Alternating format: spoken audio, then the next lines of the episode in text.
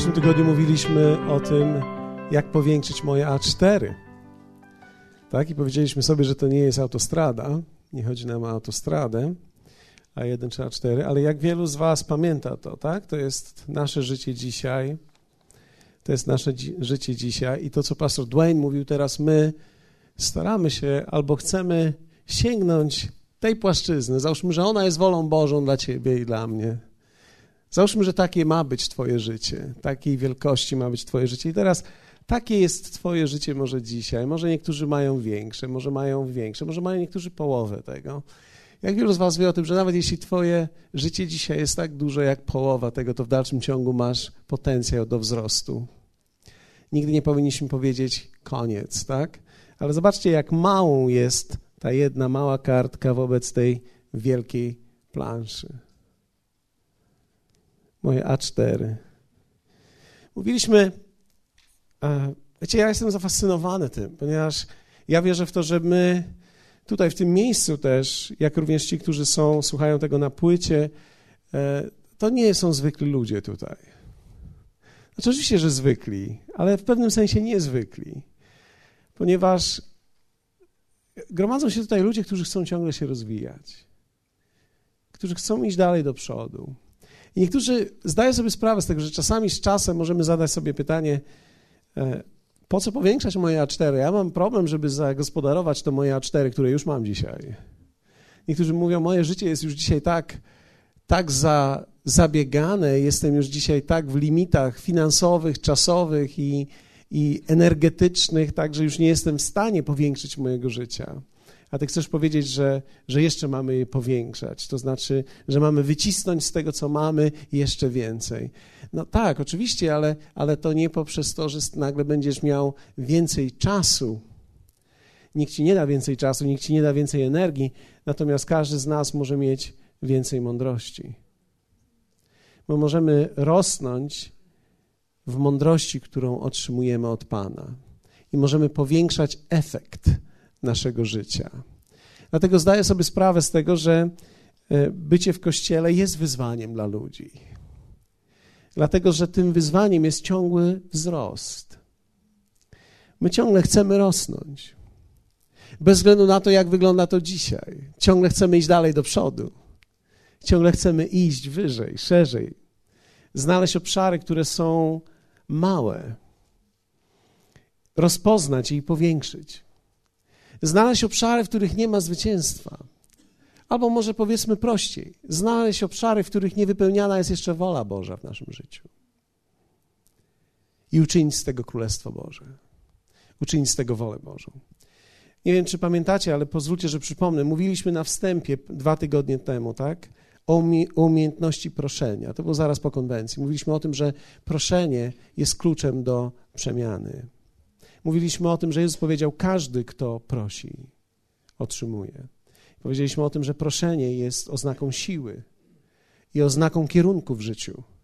Że ludzie, którzy boją się prosić, nigdzie nie dojdą. Ludzie, którzy wstydzą się prosić, nigdy nie przejdą dalej. Powiedzieliśmy również tydzień temu chyba, że umiejętność łączenia jest zwycięstwem w życiu. Że nie chodzi nam tylko o to, że aby zbudować coś tak wielkiego, musimy umieć rzeczy połączyć. Że czasami żyjemy w podziale, że pomiędzy jednym a drugim żyjemy, tak? Pomiędzy pracą a służbą. Tymczasem nigdy nie chodziło o to, żeby rzeczy podzielić, ale żeby umiejętnie łączyć. Wielkość życia to jest umiejętność łączenia, tak? I dzisiaj chciałbym mówić o umiejętności kolejnej, która jest zarówno umiejętnością, jak i mądrością. Bóg objawia nam pewną rzeczywistość, musimy w nią wejść. I to jest umiejętność, którą ja nazwałem pokonanie lęku. Dlatego, że lęk nigdy nie odejdzie z Twojego życia sam.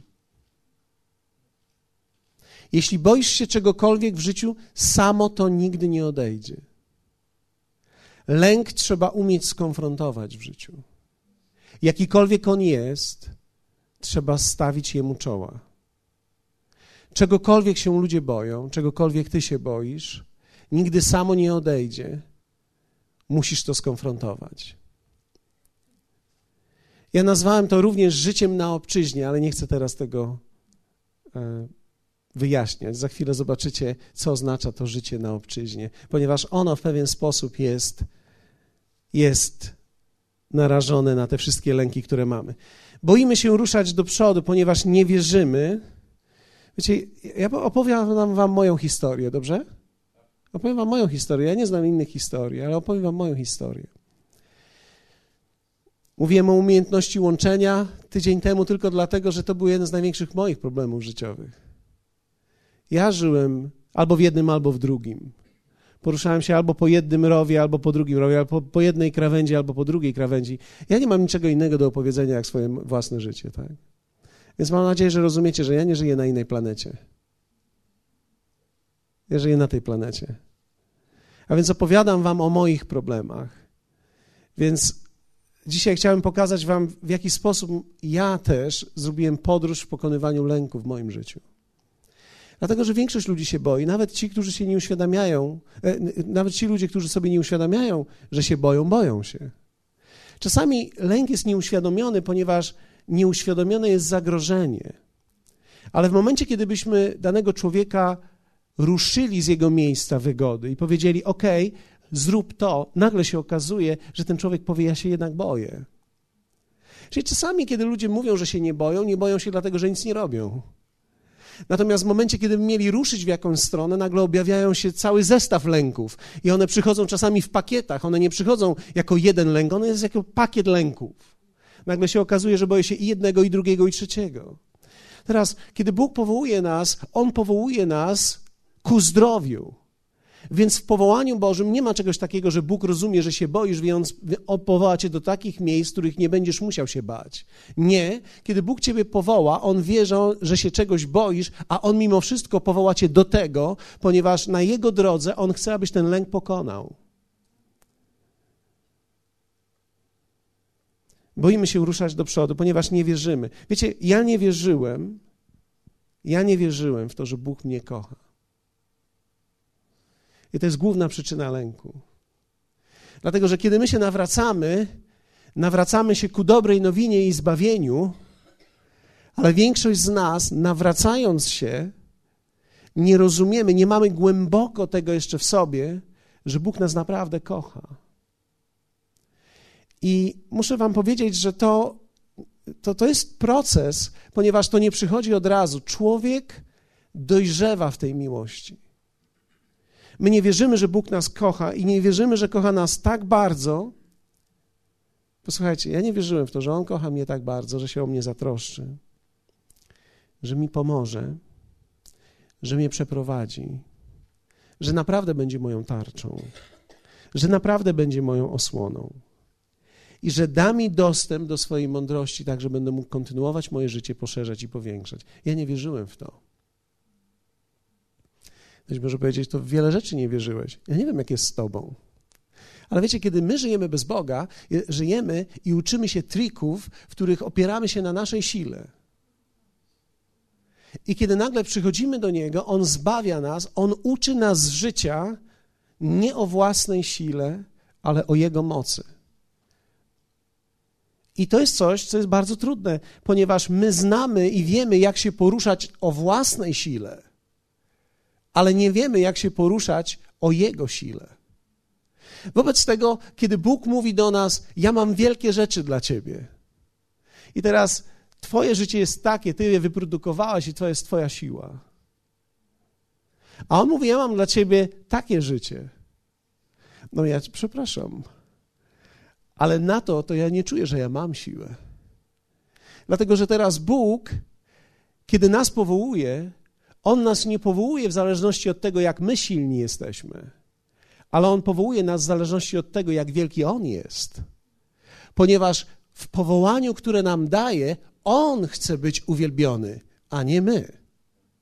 Wobec tego On chce przyjąć chwałę za to, co będzie dokonane, a nie, że my możemy stanąć i powiedzieć: Dokonałem tego. Zrobiłem. Jestem człowiekiem własnej produkcji. To wszystko, co osiągnąłem, jam ci to uczynił. Czegoś takiego nie będzie. Dlatego, że jeśli nawet dokonałeś czegoś wielkiego, Jeśli nawet coś w życiu zbudowałeś, jeśli zbudowałeś sieć, jeśli zbudowałeś firmę, jeśli zbudowałeś cokolwiek, jeśli nawet zbudowałeś swój dom, Bóg mówi, to jest w dalszym ciągu za mało. Jeśli zbudowałeś coś o własnej sile, ja mam dla ciebie o wiele większe rzeczy, które możesz zbudować. To, co zbudowałeś w dalszym ciągu jest twoim A4, on powołuje cię do tego wielkiego. I teraz to budowanie, budowanie ku temu, ku takiej wielkości jest budowaniem, które wymaga od nas uwolnienia od wszelkich rodzajów lęków. Dlatego, że ja umiałem poruszać się w pewnym obszarze, ale nie umiem poruszać się w tym obszarze. Ja umiałem poradzić sobie z takim budżetem, ale nie umiałem poradzić sobie z takim budżetem. Ja umiałem sobie poradzić z małym rachunkiem, ale jak poradzić sobie z dużym rachunkiem? Jak zmienić się w swoim życiu? W jaki sposób dokonać? Jak być, jak być, jak być liderem nie tylko dla dwóch ludzi, ale dla dwustu? W jaki sposób dokonać tego. Wiecie, nie jestem w stanie rozwijać się i powiększyć mojego A4, dopóki nie rosnę w przekonaniu o Jego miłości do mnie. Ja muszę, ja, Ty, nie masz wyjścia. Jeśli cokolwiek Ciebie przeraża, jeśli cokolwiek jest duże, jeśli cokolwiek jest dla ciebie zbyt wielkie, zbyt silne, potrzeba zbyt wiele pieniędzy, zbyt wiele siły i tak dalej, i tak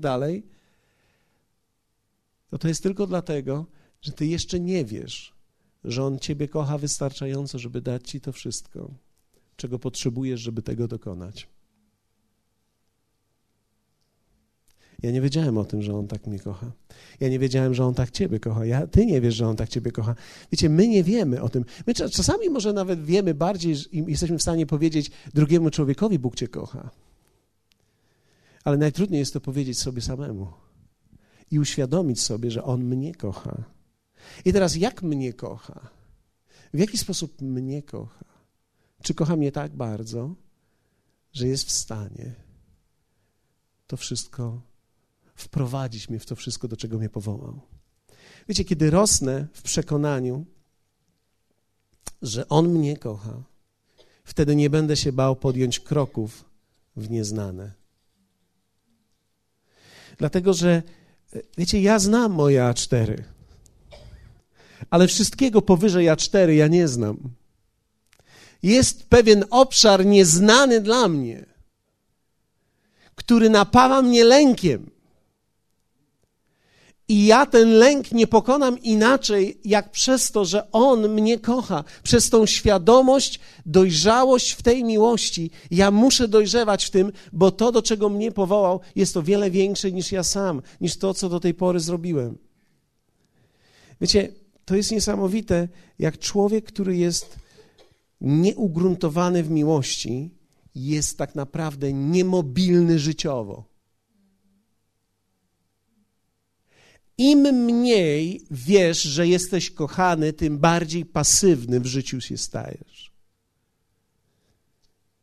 Zwróćcie uwagę, jak reaguje dziecko, które nie czuje, że jest kochane. Albo weźmy taką jedną rzecz. Jak reaguje dziecko, w jaki sposób jest kształtowane, jak się kształtuje jego psychika. Wyobraźmy sobie, że to jest moje dziecko. I teraz wyobraźmy sobie, że ja temu dziecku ciągle mówię: jesteś brzydka, nie nadajesz się do niczego. Wszystko, cokolwiek robisz, jest bez sensu. Do niczego nie dojdziesz. Jak wielu z Was wie o tym, że takie dziecko, to dziecko, staje się coraz bardziej pasywne w swoim życiu? Dlatego, że ono przestaje wierzyć, że coś może dokonać. Czyli moja niewiara w nią sprawia, że ona nie wierzy w siebie. Tak jest z wieloma ludźmi.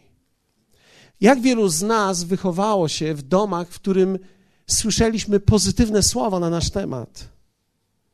Okazuje się, że Wielu z nas, to jest bardzo ciekawe, ale w tym tygodniu rozmawialiśmy, że mając 9, 10, 11 lat, my w dalszym ciągu, kiedy słowa padały w tamtym okresie do naszego życia, my jesteśmy w stanie pamiętać te poszczególne słowa, mając 40, 50 i 60 lat. W dalszym ciągu jesteśmy w stanie wyodrębnić te słowa, które słyszeliśmy w tamtym bardzo istotnym okresie dla naszego życia. Dlatego, że w tym okresie rodziło się w nas, rodziła się w nas chęć, świadomość świata i chęć wejścia w ten świat, chęć podboju tego świata, chęć dokonania rzeczy. Oczy otwierały nam się na rzeczywistość poza naszym domem i chcieliśmy wejść. I te słowa, które wtedy usłyszeliśmy, one bardzo często decydują o tym, jak powiodło nam się. I okazuje się, że człowiek, który słyszy mnóstwo negatywnych słów na swój temat, nie wierzy w siebie, staje się coraz bardziej pasywny. Im bardziej nie wierzysz w miłość, im bardziej nie, nie, było, nie było okazana Tobie miłość, akceptacja, tym bardziej pasywny w życiu się stajesz. Lub też może się zdarzyć, że stają się ludzie wtedy bardzo aktywni, aby poprzez swoją aktywność zaskarbić sobie na miłość. I wtedy produkują w sobie siłę ciała, która staje się ich przewodnią siłą w tym, aby w życiu coś osiągnąć. I teraz i pasywny, i nieprawidłowo aktywny przychodzą do Boga.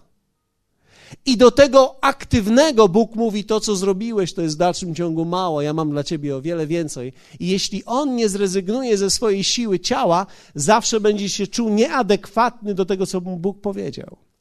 Drugi, ten, który był pasywny, nagle musi nauczyć się tak naprawdę życia od samego początku, bo on nawet nie zaczął, on nie wie, co ma ze sobą zrobić.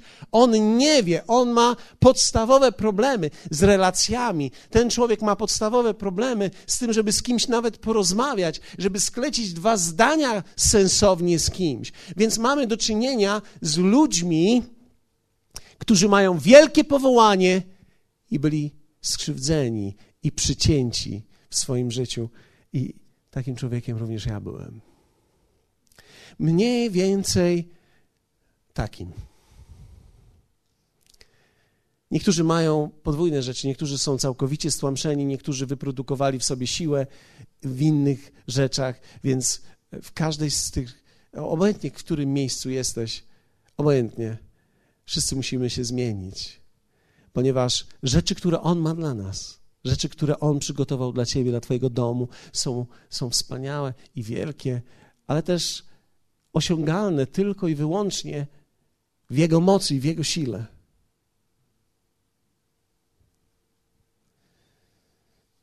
W Ewangelii Mateusza w 10 rozdziale jest taki fragment 29-31. Jezus mówi tak: Czyż nie, czyż nie sprzedają za grosz dwóch rubli?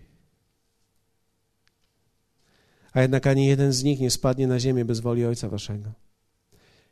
Nawet Wasze włosy na głowie, wszystkie są policzone.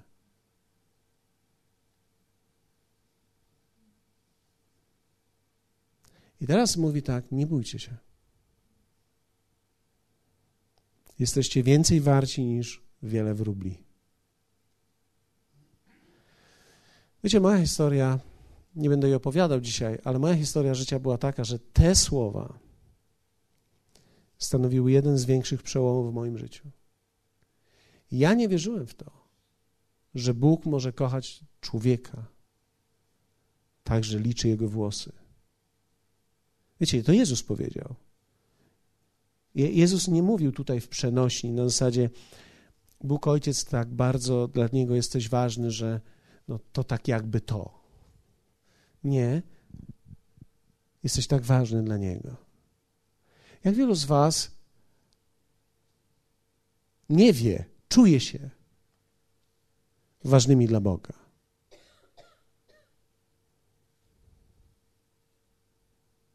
Wiecie, my wiemy, że jesteśmy ważni, ale my żyjemy w poczuciu, że jesteśmy sami, nieważni, nieistotni. I teraz co to jest to uczucie? To uczucie to jest ta głęboka myśl, która jest w tobie. Czyli można mieć wiedzę teologiczną tutaj. O tak, jestem ważny dla Boga. Oczywiście to wynika z czegoś. Ale w środku czuję się nieważny. W, jak, w jaki sposób będę żył teraz? W jaki sposób będę żył? Czy mogę uzależnić moje życie od Boga? No nie. Dlatego, że nie mam przekonania, że jestem ważny. Mam przekonanie, że jestem nieważny. Więc muszę sobie poradzić. Więc ja, dobrze, że mnie kocha, ja wiem to tutaj, ale ja tego nie czuję tutaj. Jeśli nie czuję tego tutaj, ja nie mogę działać na tej podstawie. Wszystko, cokolwiek jest większe niż to, co do tej pory zrobiłem, napawa mnie lękiem. W pierwszym Jana, w czwartym rozdziale, Jan opisuje swoją historię, ale też opisuje historię każdego z nas. W pierwszym Jana 4, 15, 18 czytamy takie słowa. Kto tedy wyzna, iż Jezus jest Synem Bożym, w tym mieszka Bóg, a On w Bogu. E, tak naprawdę to słowo tutaj wyzna, to jest to słowo greckie homologeo, które oznacza mówi ciągle. A więc każdy, kto mówi, wyznaje, jest przekonany, że Jezus jest Synem Bożym, w tym mieszka Bóg, a On w Bogu. I teraz werset 16 mówi tak, a myśmy poznali.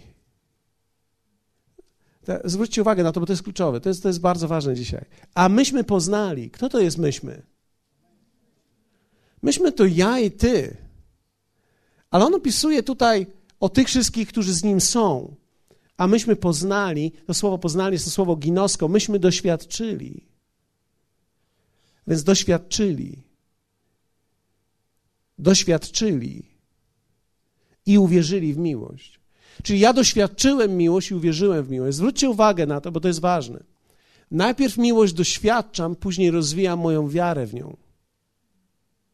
Najpierw muszę doświadczyć, że On mnie kocha, a później muszę uwierzyć w to. I teraz najpierw, dlaczego jest tak ważne doświadczenie? Dlatego wiecie, Bóg chrześcijański jest, jest Bogiem dzisiaj, jest Bogiem teraz, jest Bogiem doświadczenia. Dlaczego jest tak ważne doświadczenie? Bo doświadczenie zmieni Twoje uczucie. Wiedza potrzebuje czasu, żeby zejść niżej. Ale kiedy człowiek doświadcza, natychmiast to czuje tutaj. Dlatego, kiedy człowiek się zakocha, nie czuje tego w głowie, czuje to w brzuchu. Ponieważ doświadczenie miłości, nawet jeśli nie jest intelektualnie wytłumaczone, jest przekonaniem wewnętrznym. Ktoś z Was był kiedyś zakochany? Jeśli ktoś z Was był, jeśli ktoś z Was był i, i poczuł miłość, mi, miłość można poczuć. Ona jest też prawdziwym uczuciem. Ona nie jest tylko uczuciem, ale wyraża się w uczuciu i można ją poczuć. I teraz, jeśli ja mogę ją poczuć, to zobaczcie, że ja ją czuję tu głęboko, wewnątrz, w moim wnętrzu ją czuję. W środku to czuję. Ja nawet nie potrafię tego wyjaśnić, nie potrafię tego opisać, ale czuję to. I to jest to doświadczenie, o którym Jan pisze a myśmy doświadczyli tą miłość. Doświadczyliśmy tą miłość. I teraz jak on doświadczył tą miłość? Bo to jest ważne. Wyobraźcie sobie Jana, który stoi pod krzyżem. I teraz Jezus dokładnie robi to, co powiedział, że zrobi. Na końcu jeszcze troszczy się o matkę swoją i prosi Jana, żeby się o nią zatroszczył. I teraz Jan jest świadkiem, jak miłość Ojca wylana jest przez miłość Jezusa na niego. Wiecie, kiedy Jan stał przed, pod krzyżem, Jan nie miał debaty teologicznej w sobie. Jan przeżył, że jest kochany. Ktoś, kto powiedział, że za mnie umrze i mnie uwolni, zrobił to. I ja mogłem zobaczyć, doświadczyć. On tam wisiał i on mówił: Przebaczam, ojcze, wybacz im, bo nie wiedzą, co czynią. Jan doświadczył tego. Jan doświadczył, że to, co Jezus powiedział, wiecie, kiedy Jezus powiedział, że ja umrę za świat, Jezus mówił do nich poszczególnie: Ja umrę za ciebie. Ja umrę za ciebie. I kiedy Jan stał pod krzyżem, dokładnie ten wzrok Jezusa nie był wyrzutem, ale był miłością. To jest dla ciebie, Jan. To jest mój dar dla ciebie.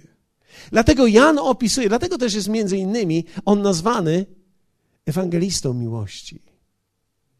Zwróćcie uwagę, on opisuje rzeczywistość, której inni ewangeliści nie opisują. Dlaczego? Ponieważ on opisuje o czymś, czego doświadczył najpierw, a dopiero później rozumiał i uwierzył w to. Dlatego, że do wiary niepotrzebne jest tylko uczucie, potrzebne jest również zrozumienie. Więc teraz nagle Jan mówi: Ja doświadczyłem, że on mnie kocha. I uwierzyłem w to.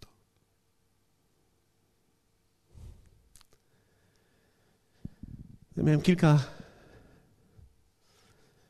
kilka kluczowych momentów w moim życiu, w których doświadczyłem, że Bóg mnie kocha. I, i od tamtej pory jest ich ciągle nowa seria. Ale później, kiedy człowiek dojrzewa w tym, o wiele łatwiej może przyjąć Jego miłość, bo ją rozumie o wiele szybciej. To znaczy, zaczynasz rozumieć Jego język, więc kiedy On coś zrobi lub czegoś nie zrobi, ty natychmiast czujesz, że On Cię kocha.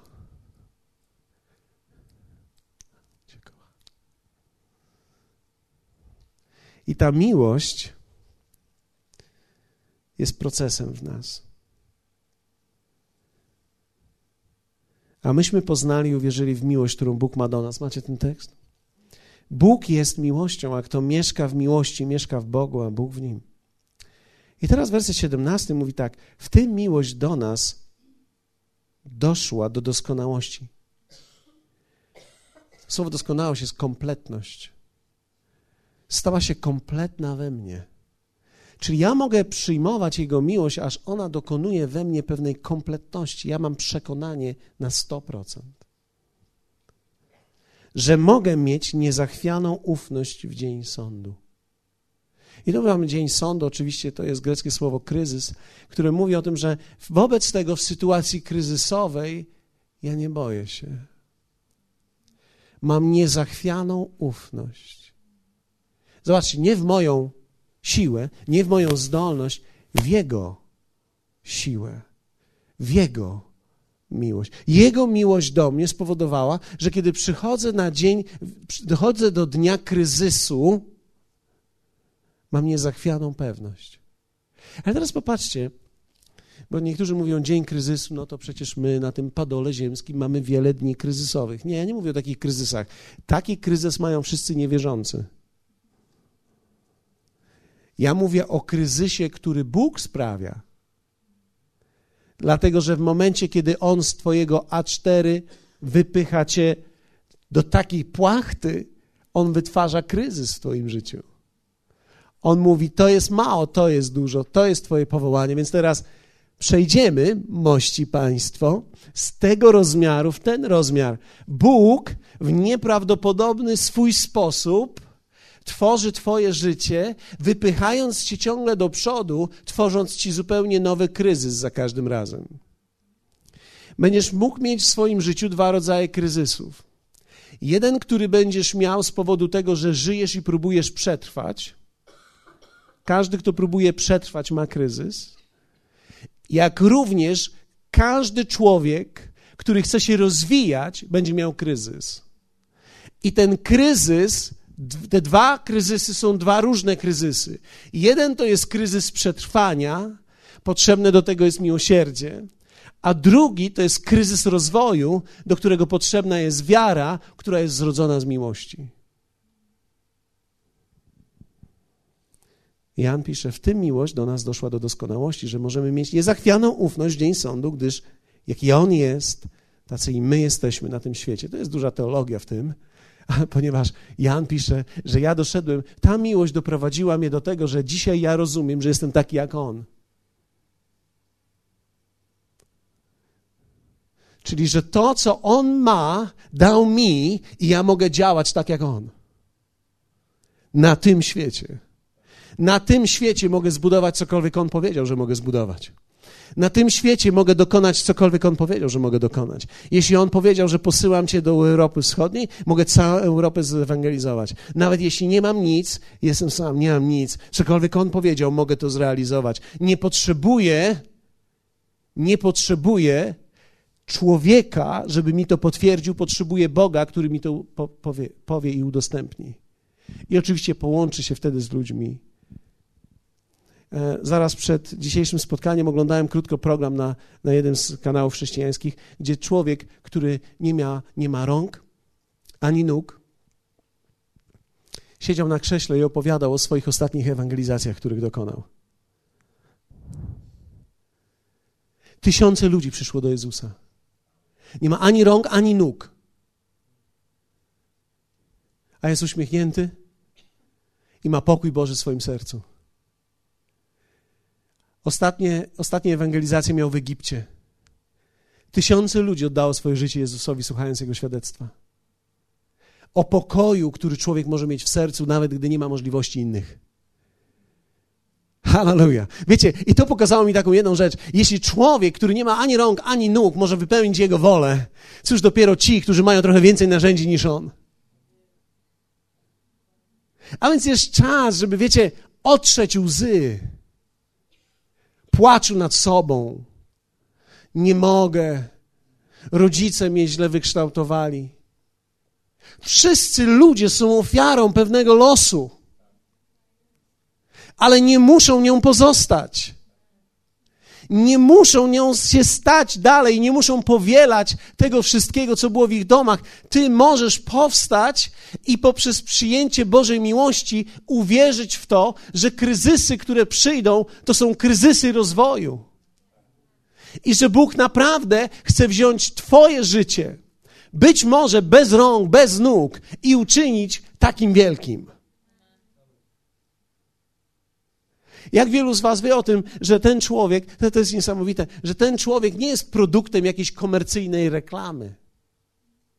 Ale on w swoim domu, kiedy, kiedy czołgał się ze swojego łóżka, kiedy siadał na krześle, kiedy, kiedy któregoś dnia oddał swoje życie Jezusowi, e, kiedy, kiedy patrzył w telewizor, kiedy rozmawiał z, rodzi, z rodziną, kiedy rozmawiał ze swoimi krewnymi, on zaczął mówić o szczęściu, które ma.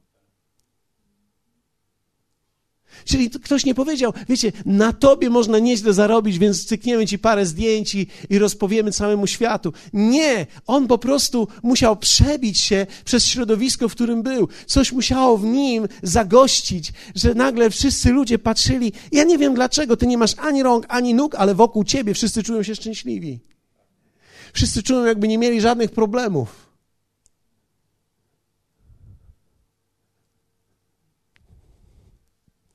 Uwierzył w miłość. I ta miłość wprowadziła go w inny rodzaj kryzysu. Ten młody człowiek, ponieważ myślę, że nie ma więcej jak dwadzieścia parę lat, ten młody człowiek mógł siedzieć w swoim własnym domu, zastanawiając się, jaki rodzaj samobójstwa dzisiaj popełnić. Jednak uwierzył w miłość, którą Bóg miał do niego i zdecydował, że kryzys, w którym jest, to nie jest ostatni kryzys, który będzie miał, będzie miał jeszcze więcej kryzysów. Ostatnio opowiedział historię, że e, pojechali na, do, do wioski, która liczyła 187 osób i tam przez dwa tygodnie karmili całą wioskę, która nie miała żadnego jedzenia. I on mówi tak, tak żałuję, że mieliśmy tylko tyle pieniędzy, żeby nakarmić te 187 ludzi przez dwa tygodnie. Wiecie, ja bym chciał, żeby takie marzenia mieli ludzie, którzy mają ręce i nogi którzy pomyślą sobie, hej, nie chodzi tylko o to, żeby mój elektrolux był napełniony. Albo żeby w końcu oprócz światła w moim boszu było coś więcej, ale żeby ktoś powstał, kto powie: Hej, może ja nakarmię nie tylko wioskę 187 osób, ale może nakarmię całe miasto przez dwa tygodnie. Może nie, nie będzie to Waszyngton, ale, ale może będzie to e, jakaś wioska większa niż 187. Sianów, hallelujah. Twoje A4 powiększa się w procesie. W osiemnastym wersecie czytamy: W miłości nie ma bojaźni. Wszak doskonała miłość usuwa bojaźń, gdyż bojaźń drży przed karą. Kto więc się boi, nie jest doskonały w miłości. Więc w jaki sposób odchodzi lęk z mojego życia? Poprzez proces przyjmowania miłości i uwierzenia w nią, im bardziej przyjmujesz ją i wierzysz, że On Ciebie kocha, tym większe rzeczy chcesz i czujesz, że możesz zrobić. I tym mniej rzeczy się boisz.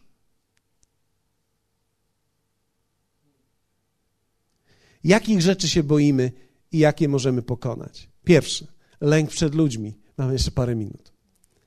Lęk przed ludźmi. Ja bałem się ludzi.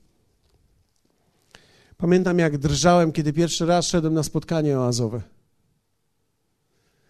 No, nie było wielu ludzi. Kilkanaście osób, ja się bałem, ponieważ myślałem, że wzrok wszystkich ludzi skupiony jest na mnie. Bałem się wzroku wszystkich ludzi. Wiecie, moje poczucie braku wartości może trzymać mnie z dala od ludzi, którzy mogą mi pomóc. Lęk przed ludźmi. Ja nie wiem, czy ty się boisz ludzi, ale moje pytanie jest, jakich ludzi ty się boisz? Moje poczucie niższości, które nie jest uzdrowione w Bogu, może obrócić się na przykład w arogancję albo poniżanie innych. Niektórzy ludzie dobrze się czują tylko wtedy, gdy kogoś poniżą. Ale wiecie, to jest słaby sposób wywyższania siebie. To jest tylko tak, że ty zbierasz ludzi, których czujesz, że są wyżej, poniżasz ich do swojego poziomu i dlatego nie czujesz się nisko. Ale fakt jest taki, że my musimy wewnątrz siebie poczuć się wartościowi, a to nie przychodzi inaczej, jak przez to, że wierzysz w to, że jesteś więcej warty niż kilka wróbli. Jak wierzysz w słowa Jezusa, że jesteś więcej warty niż kilka wróbli, jesteś wiele warty dla Ojca, jak bardzo ty czujesz, że jesteś ważny dla Niego. Każdy, kto poniża drugiego człowieka, czuje się mały w swoich własnych oczach. Ludzie mający autorytet, zwróćcie uwagę, są dla mnie darem od Boga. Wiecie, ja nigdy tego tak nie widziałem. Zawsze wydawało mi się, że ludzie, którzy mają autorytet, są zagrożeniem dla mnie. Tymczasem Bóg ustanowił autorytety, żeby nam pomóc. Chwała Bogu, że mamy autorytety ponieważ autorytety stanowią pewnego rodzaju drogowskazy dla nas. Gdybyśmy nie mieli drogowskazów, bylibyśmy zagubieni. Całe szczęście, że Bóg jest autorytetem dla kogoś, ponieważ bez Niego bylibyśmy jak bez latarni. Autorytety nie są dla nas zagrożeniem. Jeśli autorytet jest dla ciebie zagrożeniem, to oznacza, że masz problem z poczuciem własnej wartości. Wiecie, pozwólcie, że powiem, ale po latach mogę to już powiedzieć. Niektórzy ludzie nie, mają problem straszny z mówieniem do mnie albo pastorze, albo niektórzy mają problem, żeby mówić do mnie po imieniu. Obydwa te rzeczy, obydwie te rzeczy mogą być problemem. Niektórzy nie chcą mówić do mnie pastorze, ponieważ boją się, że jak mnie wywyższą, to wpadnę w pychę. To jest bardzo miłe, to jest jeden z najbardziej miłych motywów człowieka, ponieważ to, niektórzy, niektórzy mówią do mnie Pawle, ponieważ boją się, że jeśli powiedzą do mnie pastorze, tak, to oni poczują się niżej, a oni nie chcą się poczuć niżej. Ale wiecie, fakt jest taki, szacunek jest kwestią postawy, nie tylko tekstu. Dlatego można mówić Pawle w szacunku.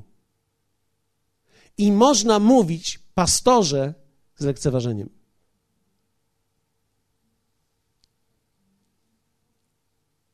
Dziękuję Wam za ten entuzjazm. Niektórzy z Was się obudzili dzisiaj. Ja pomyślałem, no to może dotyczy mnie nawet.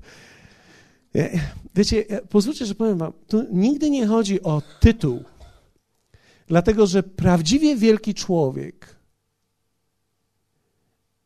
nigdy nie jest zorientowany w sobie na tytuł. Zwróćcie uwagę, apostoł Paweł, kiedy, kiedy pisał listy, pisał je w bardzo szczególny sposób. Pisał je w ten sposób. Paweł, apostoł, powołany z woli Boga. Nie bał się napisać Paweł ale też nie bał się napisać apostoł. Nie bał się ani jednego, ani drugiego. Nie odwrócił tego i nigdy nie napisał apostoł Paweł z woli Boga. Zawsze pisał Paweł apostoł.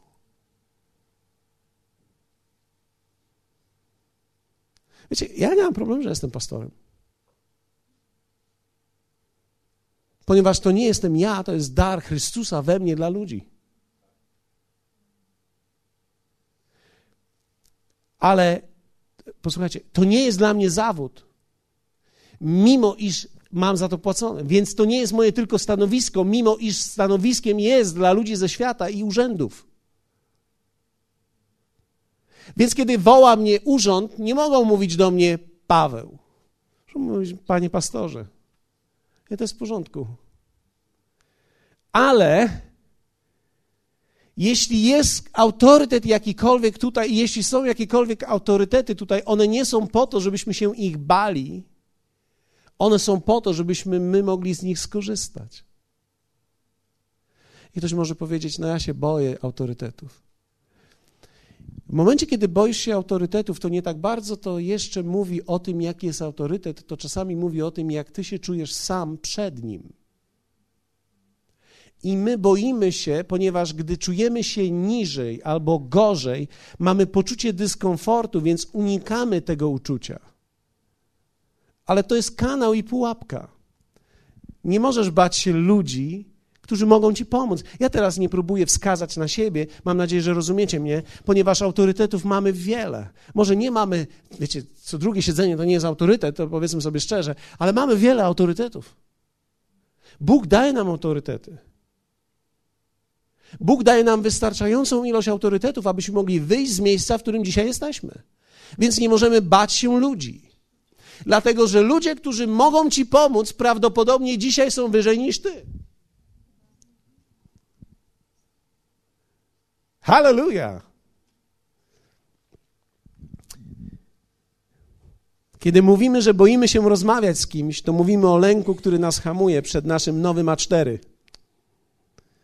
W, piątym, w piątej Mojżeszowej, 31 wersecie, w 31 rozdziale, wersecie 6 czytamy takie słowa. Nie musicie tego otwierać, tylko posłuchajcie.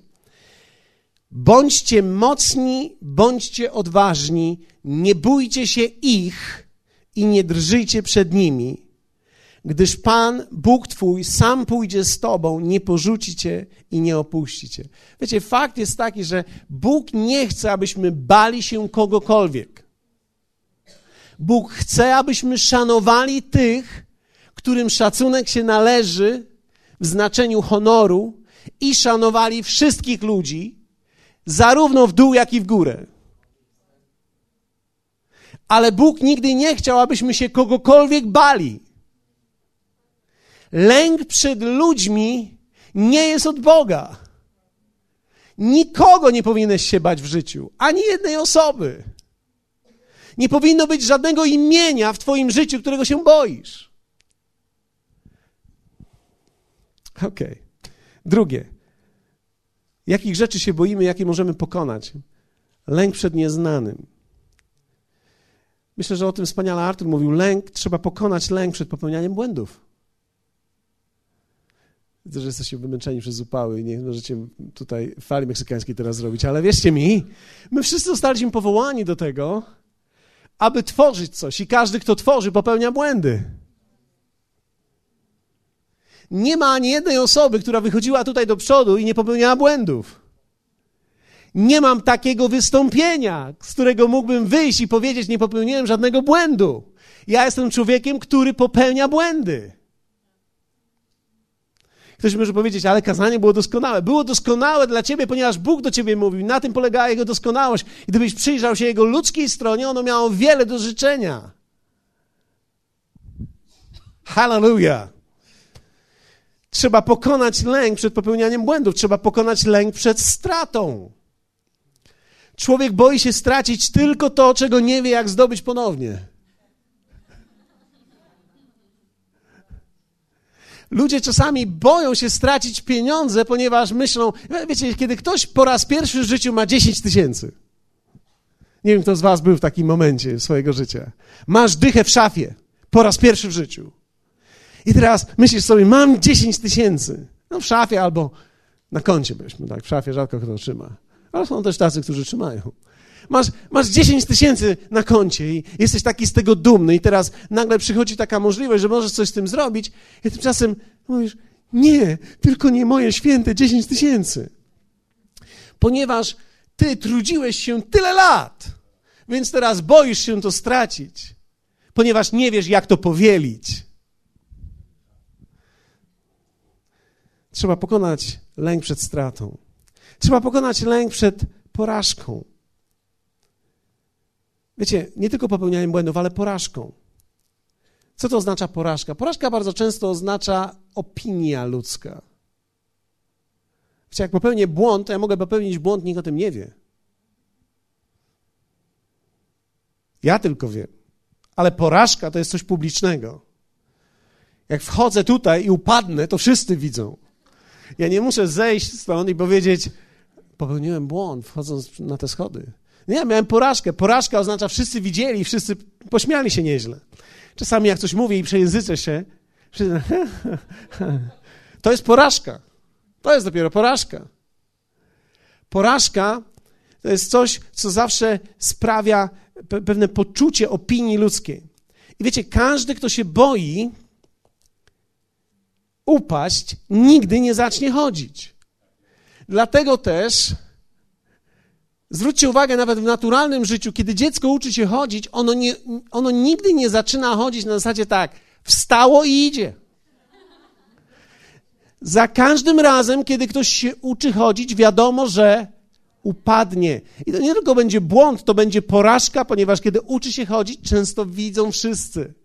Ale co my wtedy mówimy, gdy dziecko ma roczek i próbuje chodzić? Czy my się śmiejemy z niego i mówimy, ale kaleka, o jaka kaleka, nie umiesz?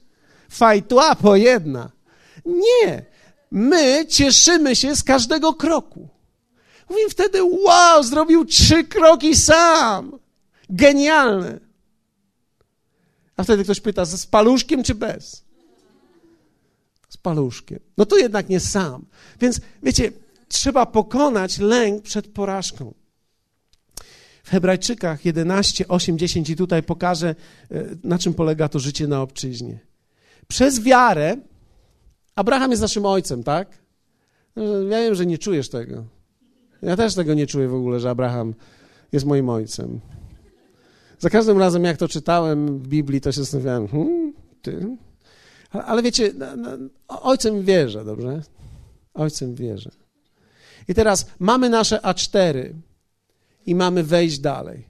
I w Hebrajczykach czytamy takie słowo. Przez wiarę usłuchał Abraham, gdy został powołany, aby pójść na miejsce, które miał wziąć w dziedzictwo. Czyli Abraham miał swoje życie A4, tak? I Bóg powiedział do niego: A4 to za małe, mam dla ciebie o wiele większą rzecz. Mam dla ciebie większe miejsce, które miał wziąć dziedzictwo i wyszedł. Powiedziane, wyszedł, nie wiedząc dokąd idzie. A więc pokonać lęk przed nieznanym to jest pokonać miejsce. Wie, wiecie, ja znam moje A4, ale ja nie wiem, co będzie tam. Wiecie, ja, myśmy budowali kościół, pamiętam na Gnieźnieńskiej, w kilka osób graliśmy na gitarze, tańczyliśmy, śpiewaliśmy i graliśmy. Myśmy nie wiedzieli, co to znaczy 200 osób w kościele. Nie mieliśmy pojęcia, co to jest 100. Myśleliśmy, że 100 to jest po prostu 3 razy 30 plus minus. Tymczasem 100 zupełnie zmieniło wszystko, zmieniło strukturę i niektórzy myślą, co to jest 200? No 200 to jest proste, to jest 2 razy 100. Nie, 200 to jest zupełnie nowa struktura ciała i okazuje się, że 200, 300 to jest zupełnie, nie jest 10 razy 30.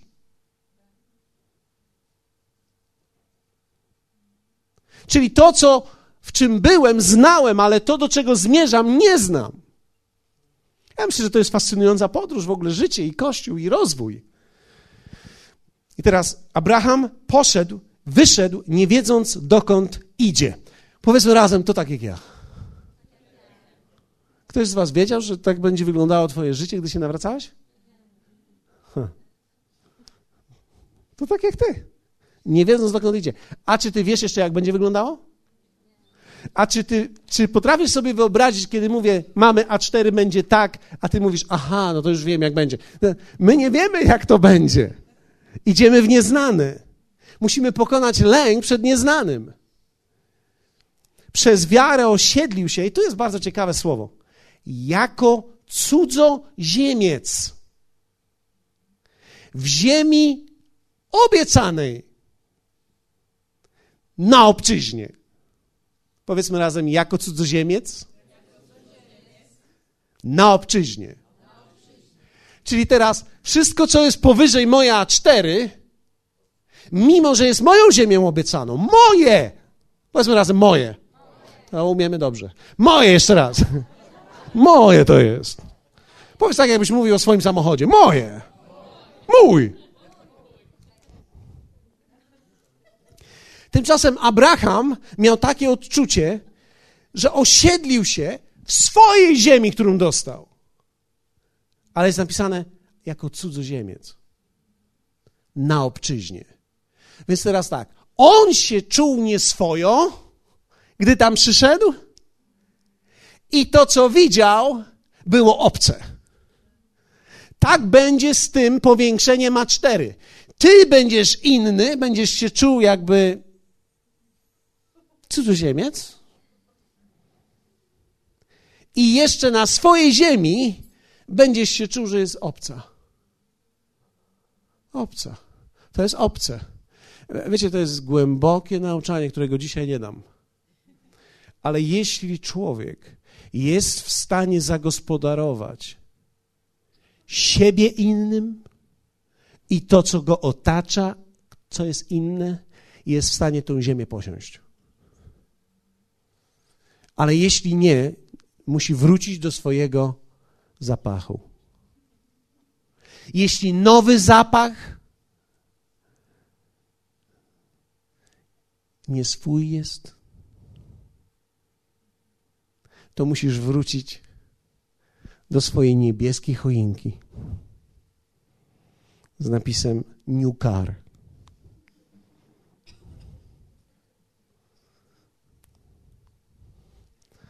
Nie, to, jest, to dzisiaj jest za głęboko, widzę. Za dużo było gorąco dzisiaj. Okej. Okay. I werset dziesiąty mówi, że on oczekiwał. Czyli jest lęk przed nieznanym. Muszę pokonać lęk przed nieznanym. I ostatni lęk przed zmianą. Ja opisuję moje lęki, więc nie mam z tym problemu, znam je doskonale. Boję się nowych rzeczy, ponieważ one, mogę, one mogą zmienić wszystko. Boję się nowych rzeczy, bo one mogą zmienić wszystko. W starym czuję się źle, ale bezpiecznie. Mam swoje stare, małe mieszkanko. Kupiłbym duże, ale będę miał większy kredyt. Problem. Więc co wybieram? Moje stare, malutkie, wygodne. Po co mi problemy nowego? W starym czuję się źle, ale też dobrze, bo bezpiecznie. Moje stare, małe gniazdko. Boję się coś zmienić, bo może się okazać, że ja będę się musiał zmienić. Że jak coś zmienię, to ja się będę musiał zmienić. Często spotykałem osoby, które chcą zmienić wszystko z wyjątkiem siebie. No to jest niemożliwe. Wiecie, są ludzie, którzy mają, jak pytasz ich, chcesz zmiany w swoim życiu? Oczywiście. Co byś chciał zmienić? No, dochody bym chciał zmienić, to jako pierwsze. Żona by się wtedy odmieniła, prawda, bo miałbym pieniądze na to, bym ją podrychtował nieco. Samochód bym nieco tak usprawnił, nie? albo może nawet w ogóle nowy bym kupił. Prawda? I teraz, okej, okay, no wszystko jest dostępne dla ciebie. Tak, no to jak mam to zrobić? No musisz zmienić siebie.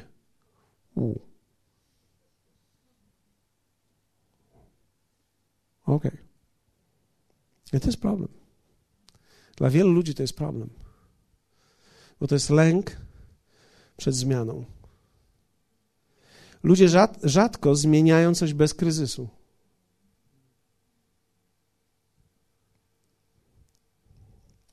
Na przykład olej w samochodzie.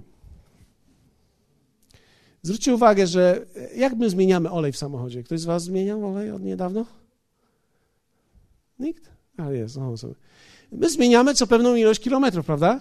Czy czekamy, aż się zużyje i zatrze silnik? Nie, my mamy ilość kilometrów przejechana, wymiana oleju. Okazuje się, że tego typu przegląd, przeglądy i wymiany są tańsze niż naprawy kryzysowe. I teraz ludzie, którzy mówią, mój Boże, ileż ten przegląd kosztuje? Normalnie poszedłem i mnie uciachali 1200. 1200 mnie uciachali. A już mi powiedzieli, że następny to jest 90 tysięcy przegląd, on jest ten droższy, bo to jeszcze wymiana czegoś tam jest. A ja mówię, no po co mi coś takiego? No ale problem jest taki, że większość ludzi nie rozumie, że przeglądy w sumie są tańsze niż kryzysowa naprawa. Czy wiesz, ile kosztuje naprawa silnika, który jest zatarty? Ile kosztuje wymiana silnika? Nie będę tutaj w kwoty wchodził, bo to zależy od marki samochodu. Bo ktoś może powiedzieć, w moim maluchu jest wszystko tanie. Może się, to może być prawdą. Ale wiecie, każdy, e, większość ludzi dlatego dokonuje zmian dopiero w kryzysach. Natomiast to, do czego chciałbym Cię zachęcić dzisiaj, to jest to, że miłość Boża, która przychodzi do naszego życia, zachęca nas do zmian bez kryzysu. Każdy, kto dokonuje zmian, gdy wszystko jest dobrze, rozwija się. Bo to jest najlepszy moment na dokonywanie zmian. Mieszkanie zmienia się, gdy wszystko jest dobrze, a nie gdy wszystko już jest źle. Samochód zmienia się, kiedy działa i jest jeszcze dobrze, a nie wtedy, kiedy się już sypie.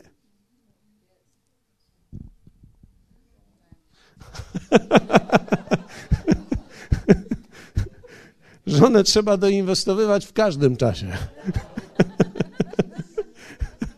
To jest niekończący się samochód. Na początku jest nowy, ten piękny, a później zaczyna być antykiem i też jest dro drogi. Hallelujah.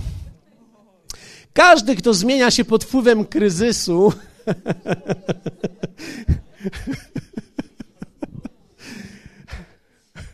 najpierw chodzimy i masujemy, bo jest nówka, a później chodzimy i masujemy, bo jest już stare. Teraz jadąc do kościoła przejeżdżałem i obok mnie przejechał stary Mercedes, stary, ale taki pięknie od, odremontowany. Widziałem, wszystko było eleganckie w nim. Pomyślałem sobie, dwóch ludzi jedzie tą samą drogą. Jeden cieszy się, że ma nowy, drugi cieszy się, że ma stary. Każdy, kto dokonuje zmian, gdy wszystko jest dobrze, rozwija się szybko. Każdy, kto zmienia pod wpływem kryzysu, ledwo utrzymuje swój obecny stan.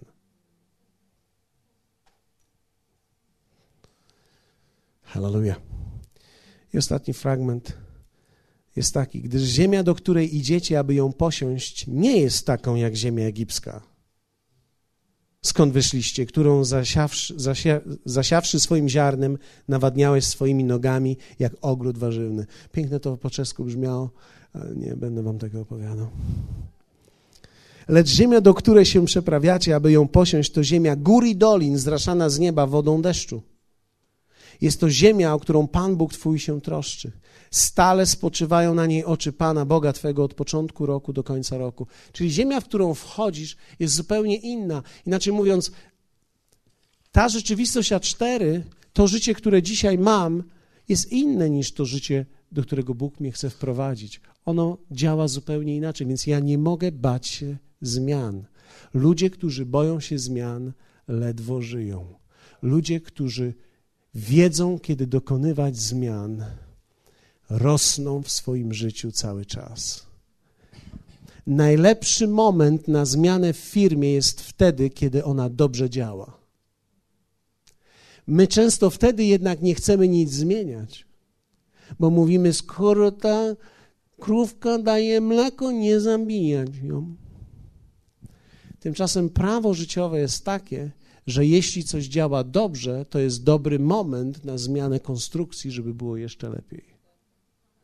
Więc nie możemy bać się zmian w naszym życiu. Hallelujah. To są wszystkie lęki, które miałem i to są wszystkie lęki, które, z których wychodzę. W dalszym ciągu, nie wiem, czy to komuś pomoże, może. W dalszym ciągu od czasu do czasu zapala się we mnie lęk przed ludźmi. Czasami lecę samolotem i ktoś mi mówi, teraz będziesz głosił do takiej i takiej liczby ludzi. Ja nagle w tym samolocie siedzę i myślę sobie, Jezu, co ja im powiem? I dopiero wtedy sobie uświadamiam, ojej, no przecież ja mam Ducha Świętego. Ojej, no przecież to są ludzie, których Jezus ukochał ja im mogę pomóc. Ojej, czego ja się boję? Wiecie, od czasu do czasu wszyscy mamy takie momenty, ale dzisiaj już nie są to momenty, które mnie paraliżują. Od czasu do czasu mam lęk przed nieznanym. Wiecie, ja nie wiem, jak będzie się, jak, jak będzie wyglądał ten kościół za pięć lat. To jest nieznane dla mnie. Ja tego oczekuję, bo widzę, jakie wspaniałe rzeczy są przed nami. Fantastyczne rzeczy. Kapitalne rzeczy. Jeszcze w takim wagoniku to nie jechaliśmy, w jaki mamy zamiar wsiąść. Bóg ciągle, każdego roku robi nowe rzeczy dla nas. A jednak co jakiś czas, gdy sobie siedzę, czasami, gdy tak jestem złapany z marszu, od czasu do czasu myślę sobie, mój Boże, jak to będzie? I zabije mi serce szybciej. A wtedy myślę sobie, wow, okej, okay. przecież ja jestem wierzącym człowiekiem. I zaczynam sobie przypominać wszystkie te kazania, które mówiłem do was. Czasami lęk przed zmianą przychodzi na mnie. Dlatego, że człowiek, kiedy wszystko działa, ma tendencję do tego, żeby tego nie ruszać. Wszystko działa, mam tendencję, żeby tego nie ruszać. Wszyscy boimy się wtedy to tknąć. Jest to wtedy tak fantastyczne, że boję się to tknąć. Ale wiecie, najlepszy moment na pracę nad swoim małżeństwem jest wtedy, kiedy jeszcze rozmawiamy ze sobą. Zgadza się? Na, najlepszy moment, żeby pójść na, na, na seminarium, czy przyjść do mnie, do mnie jako pastora i powiedzieć, pastorze, czy może coś z naszym małżeństwem, może byś nam pomógł. Usiądźmy razem z Asią, popatrzmy na nasze życie, przejrzyjmy to, chcemy pójść wyżej. Ale nie, my tego nie zrobimy. No bo dalej jeździmy tą z żoną, tak? Ty jedziesz z żoną swoim samochodem, wsiadasz, przyjeżdżasz do kościoła, wielbisz Pana tak czy inaczej. My zaczynamy rozmawiać wtedy, kiedy już nie rozmawiamy. I kiedy ona nie chce ze mną rozmawiać, i kiedy on nie chce ze mną rozmawiać, wtedy my przychodzimy i pukamy do drzwi. A wtedy się okazuje, że to, żeby to naprawić, to, to trzeba remontiku wielkiego. I my mówimy wtedy, no remontik będzie duży. No oczywiście, no. A, a, ale lepiej jest robić przeglądy. Wiecie, ja jeżdżę na konferencje dla pastorów, gdzie mnie łajają, znaczy łajają jak łajają, ale gdzie Tony Miller prawdę mi mówi.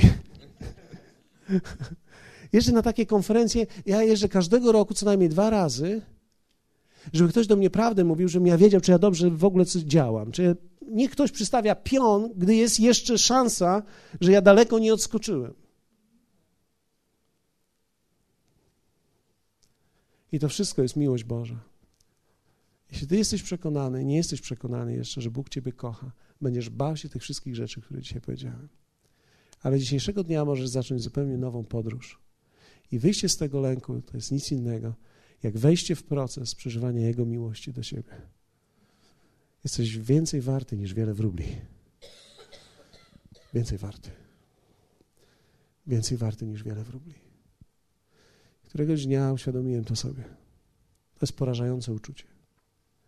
Przez lata, kiedy, kiedy ja czułem, że mój ojciec nigdy mnie nie kochał, nigdy nie zwracał na mnie uwagi, to, że nagle mój ojciec mnie pokochał i to, że on mnie ukochał i to, że ja byłem w jego planie, że się nic nie zmieniło i nic się nie pomyliło, wstrząsająca informacja. I wstrząsająca informacja była jeszcze taka, że on mówi, to nie tylko się nic nie pomyliło, ale jeszcze to wszystko, co zaplanowałem dla ciebie, mam w dalszym ciągu zamiar wypełnić. Bo ja stanąłem przed nim i powiedziałem, Panie, czy nie widzisz, jak jestem pokrzywiony? Z każdej strony jestem pokrzywiony. A on mówi, to wszystko, co jest krzywe, może być proste, to wszystko, co jest zranione, może być uleczone, to wszystko, co jest w tobie chore, może być uzdrowione. Może to zajmie parę lat, może to zajmie parę konferencji, może to zajmie parę lat, czasami trudnych, przyjmowania trudnych rzeczy, ale wyjdziesz z tego. I kiedy wyjdziesz z tego, wyzdrowiejesz, staniesz się prosty, będziesz mógł stanąć do biegu i pobiegniesz w moim biegu. I dokonasz tego wszystkiego, do czego Ciebie powołałem. Dlatego każdy ma szansę przed Bogiem. Nikt z nas dzisiaj nie może powiedzieć, że jest zbyt bardzo poskręcany, zbyt bardzo pokaleczony, ponieważ Bóg jest większy niż to wszystko. Jeśli tylko podejmiesz decyzję, żeby nad sobą się nie użalać, ale żeby przyjąć Jego miłość, On tego dokona dla ciebie. Powstańmy razem. Chciałbym, żebyśmy chociaż te dwie minuty spędzili w Jego obecności. Chciałbym, ma, żebyś delikatnie zagrał. Artur, niekoniecznie, dziękuję. Dziękuję bardzo. Ja myślę, że to też jest dla Ciebie dzisiaj. Możesz sobie usiąść. Stanąć razem z nami.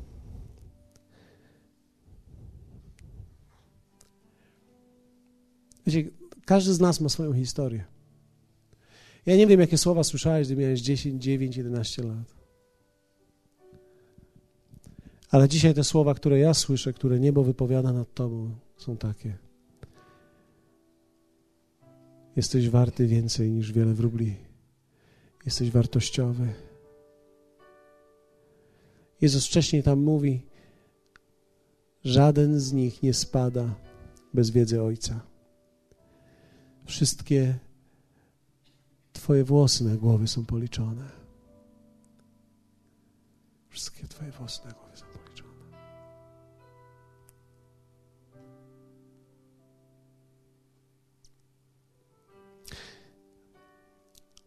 Musisz uświadomić sobie, że nie jesteś nikim. Ja nie wiem, kto odepchnął cię w Twoim życiu. Ja nie wiem, z jakiego powodu teraz boisz się ludzi, którzy są w autorytecie. Ale Bóg tych wszystkich ludzi ustanowił, abyś mógł w mądry sposób, przyglądając się na owoce ich życia, sięgnąć po to, co oni mają, aby mogli dać Tobie to, co mają, podzielić się mądrością, myślą, abyś mógł wejść w obszar, w którym może jest nieznany jeszcze dla Ciebie. Halleluja. Ogłaszam dzisiaj Twoją podróż w nieznane. Ta podróż w te, w te rzeczy, które są przed Tobą, że nie będziesz bał się zmian. Ogłaszam nad Twoim życiem, że nie będziesz bał się ludzi Mówię już teraz do Twojej przyszłości, nie będziesz bał się ludzi.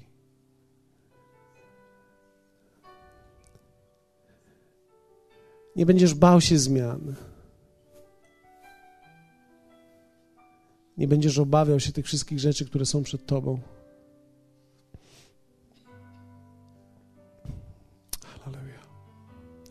Nie będziesz bał się porażki, pomyłek, błędów.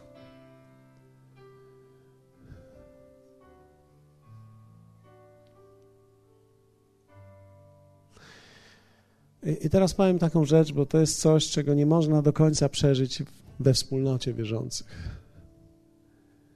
Chciałbym zachęcić Ciebie, abyś w ten weekend znalazł czas.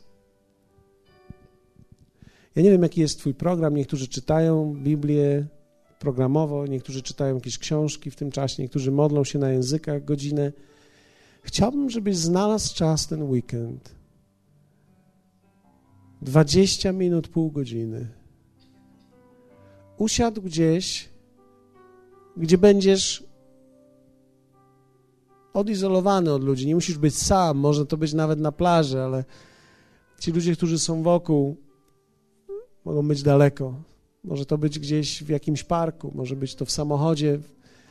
Czasami, czasami robiłem tak, że wjeżdżałem do garażu, siedziałem w samochodzie i miałem tam swój czas. Ale chciałbym zachęcić Ciebie, żebyś nie robiąc nic, przez chwilę zaczął myśleć i medytować i, i rozważać to, jak bardzo On ukochał Ciebie.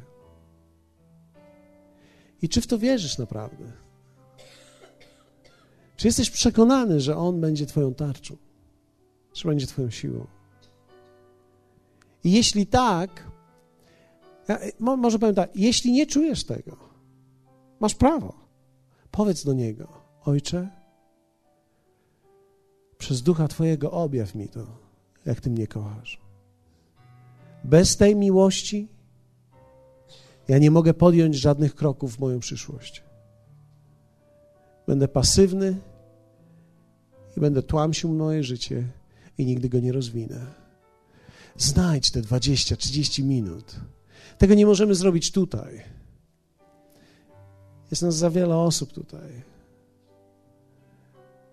To musisz odnaleźć sam. Ale wiesz, Bóg będzie z Tobą tam. I On Ci objawi tą miłość. I kiedy On Ci objawi, kiedy ją doświadczysz i kiedy w nią uwierzysz, zobaczysz, jak coraz mniej lęku jest w Twoim życiu. I powiedz do Niego wtedy, jak chcę się rozwijać w tym. Wiecie, czasami rano, kiedy modlę się, ja rzadko mam modlitwy, że zaczynam od modlitwy językami i modlę się ileś tam. Jeśli to robisz i to działa w Twoim życiu, jest wspaniale. Ja jestem skonstruowany inaczej. Mój umysł zaczyna działać troszkę później, na zwolnionych obrotach.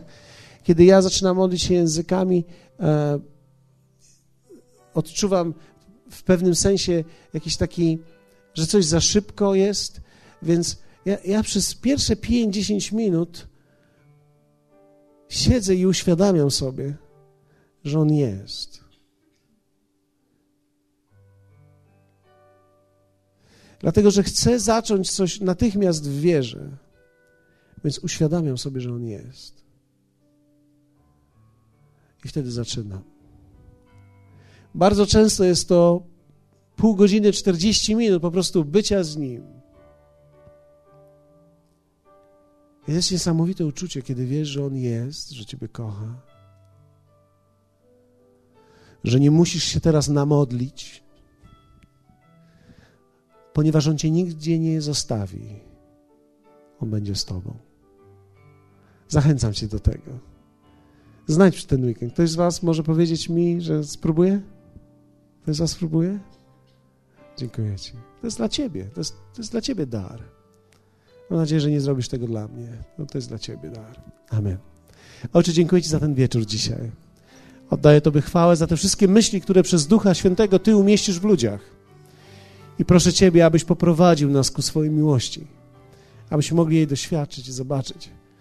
Jak bardzo Ty nas kochasz, abyśmy mogli w to uwierzyć, i abyśmy mogli wejść w ten kryzys, który nie będzie kryzysem przetrwania, ale będzie kryzysem rozwoju. W imieniu Jezusa. Amen.